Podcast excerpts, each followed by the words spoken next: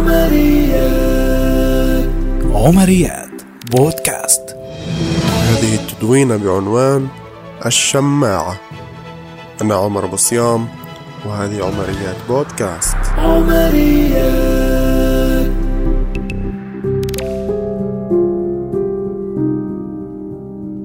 كم مرة تأخرت عن موعد ما واضطررت للدفاع عن نفسك بإلقاء اللوم على حركة السير المزدحمة؟ هل رسبت في امتحان ما وصببت جام غضبك على المدرس أو محاضر المساق ووصفته بالعنصرية أو بفشله بتمرير المنهج لك؟ هل خاصمت زوجك على أمر ما وحينما تبين أنك غير محقة ألقيت عليه باللوم لأنه لم يتفهم مزاجك وهرموناتك في ذاك الوقت من ذاك الشهر؟ أم غضبت من زوجتك بادعاء أنها حساسة جدا؟ من مجرد دعابات في الهواء رغم أنك تعلم أن السخرية من وزنها يشعرها بالضيق والخذلان. مبروك شماعتك تعمل بنجاح.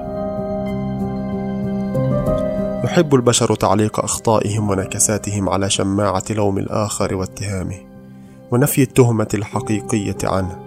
فشعور معانقة الكمال والمثالية يشعر الفرد فينا بالنشوة والرضا عن ذاته ويرفض التفكير مليا بالأمر بأنه أحد أقطاب المشكلة. ولو أنه أعاد حساباته وقام بإعادة المشهد إلى الخلف وشاهده بالصورة البطيئة وكأنه مشاهد خارجي لحكم على نفسه بالخطأ ولربما العقاب. في كل موقف أو أزمة هنالك شماعة وهمية مناسبة لتعليق خيباتنا عليها. فشماعة الفشل الدراسي هي فساد المناهج التعليمية وشماعة الحالة الاقتصادية السيئة قلة العمل أو حاجتك لواسطة للانخراط في سوق العمل. وشماعة انتشار الكورونا هي المؤامرة العالمية لخلق نظام جديد لكل تقصير شماعته الملائمة. اعتادت شعوبنا العربية في الشرق على فكرة المؤامرات الخارجية والتخطيطات العالمية الهادفة لضربها. فلا أحد ينكر أن بلادنا العربية لم تصل إلى ما وصلت إليه سوى بالمؤامرات التي بدأتها بريطانيا وفرنسا قبل أكثر من قرنين من الزمان. وصلت بها إلى تفكيك دولة الخلافة العثمانية وحامية العرب في جميع مناطق البلاد العربية والتي انعكست بإنشاء دويلات عربية مفرقة الكلمة هشة المبنى وضعيفة المكانة. ولكن ماذا بعد؟ ماذا فعلنا لنحاول لملمة شتات أنفسنا وتفرقنا؟ ماذا صنعنا من أجل إنشاء جيل بنسخة معدلة عمن سبقه هل بدأت عجلة الإنتاج بالدوران؟ الجواب هو كلا. ما فعلناه وحسب هو تعليق شماعة فشلنا على المؤامرات الداخلية والخارجية. التي سهلت علينا تقسيم الناس إلى قسمين الصديق الودود والعدو اللدود لا وسط بينهما. في مقالها شعوب الشماعة كتبت دكتور ابتهال خطيب حقيق الأمر أننا شعوب تعشق الشماعات شماعة نعلق عليها كل آمالنا تلك التي للبطل المثالي وشماعة نعلق عليها كل خيباتنا تلك التي للعدو المثالي كذلك إلى أن نحمل خرقنا على أكتافنا ونتحمل مسؤوليتنا وننقض زاويتنا قبل الزاوية المقابلة ونكون واقعيين في منظورنا لأبطالنا. لن نحظى باعتدال نفسي وفكري مما سيترتب عليه اعوجاج الحياة بأكملها. لو أننا نبدأ برفع خرق الآمال والخيبات ستتعدل الشماعة سريعا وسنراها على حقيقتها. مجرد شماعة. في العام 1945 ألقت الولايات المتحدة قنبلتها الذرية الأولى على المدينة اليابانية هيروشيما. فسحقت السكان وأحرقت المكان وسوت المباني بالأرض.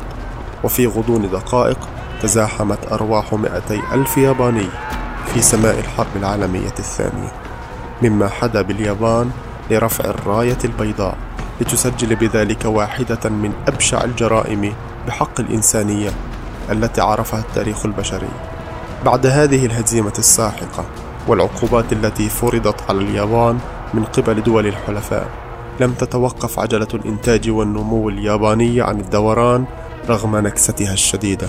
وأعلنت الحكومة اليابانية في عام 1956 عن تعافي اقتصادها تماما من مخلفات الحرب أي بعد أحد عشر عاما فقط من هزيمتها. ثم بدأت بتطوير خطة جديدة لمنافسة الغرب وبحلول عام 1991 بلغ الناتج المحلي الإجمالي للفرد في اليابان إلى 120% مقابل 85% من نظيره. في بريطانيا والولايات المتحدة على التوالي.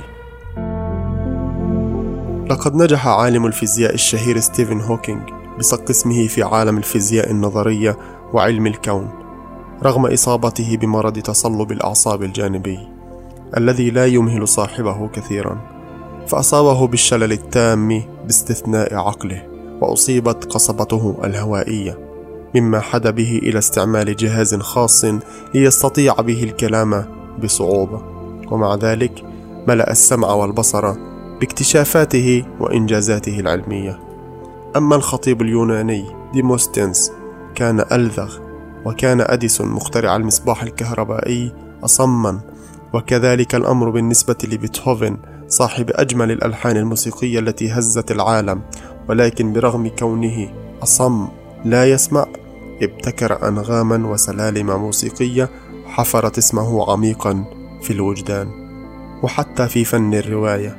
فالروائي الفرنسي إميل زولا كان عصبي المزاج ومصابا بحالة من الهستيريا ليخرج لنا بأعمال إنسانية أدبية رائعة.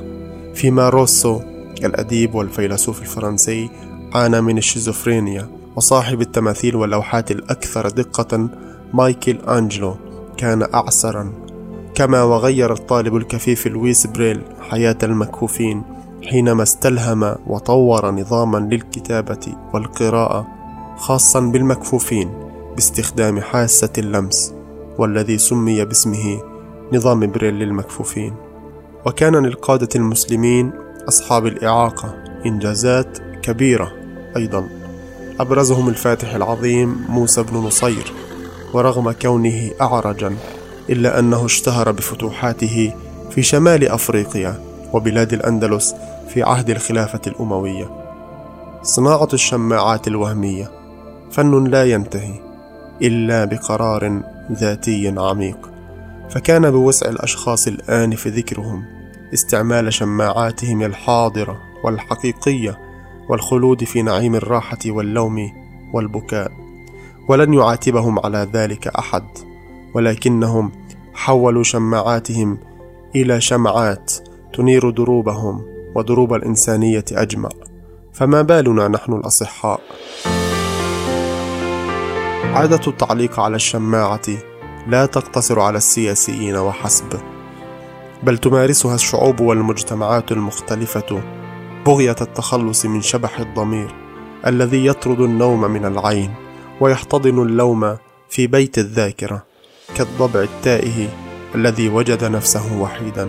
سينهش رأس كل حقيقة ستحاول الاقتراب منه. كم منا يلقي باللوم على نفسه قبل أي طرف آخر ويقابل تقصيره بشجاعة دون أن يجامل نفسه أو يلاطفها على تقصيرها. كم منا كسر شماعة مرشحه أو رئيسه أو شيخه وألقاها بعيدا وحاسبه بكل صدق وشفافية دون أن يتحيز له بعاطفة مفرغة.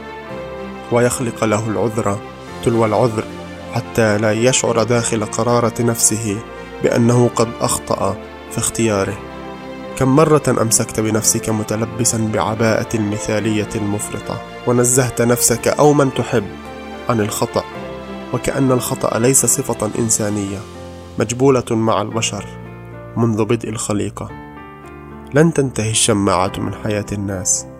نعم، ليست الحياة مثالية لدرجة أن تخلو من اختلاق الأعذار بين الفنية والأخرى، لكن لعل ألوان الحياة ستبدو أكثر جمالا.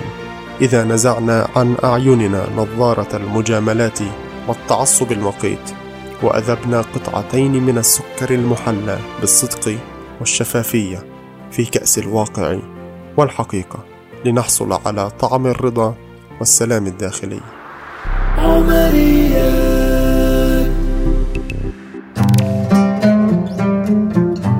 أخيرا عن ابن أم مكتوم أنه سأل النبي صلى الله عليه وسلم فقال يا رسول الله إني رجل ضرير البصر شاسع الدار وليس لي قائد للمسجد فهل لي رخصة أن أصلي في بيتي؟ فقال النبي هل تسمع النداء؟ فأجاب نعم. فرد النبي ملخصا لا أجد لك رخصة. إذا استعمل الناس هذا الحديث لتبيان ضرورة صلاة الجماعة فإني أراه نداء إسلاميا خالصا بحرق الشماعة الوهمية واستبدالها بالحقيقة والمواجهة والشجاعة. أتمنى أنكم قد استمتعتم بهذه الحلقة. وإلى لقاء قادم. في الأسبوع المقبل في عمرية جديدة. إلى اللقاء. عمريات. عمريات. بودكاست.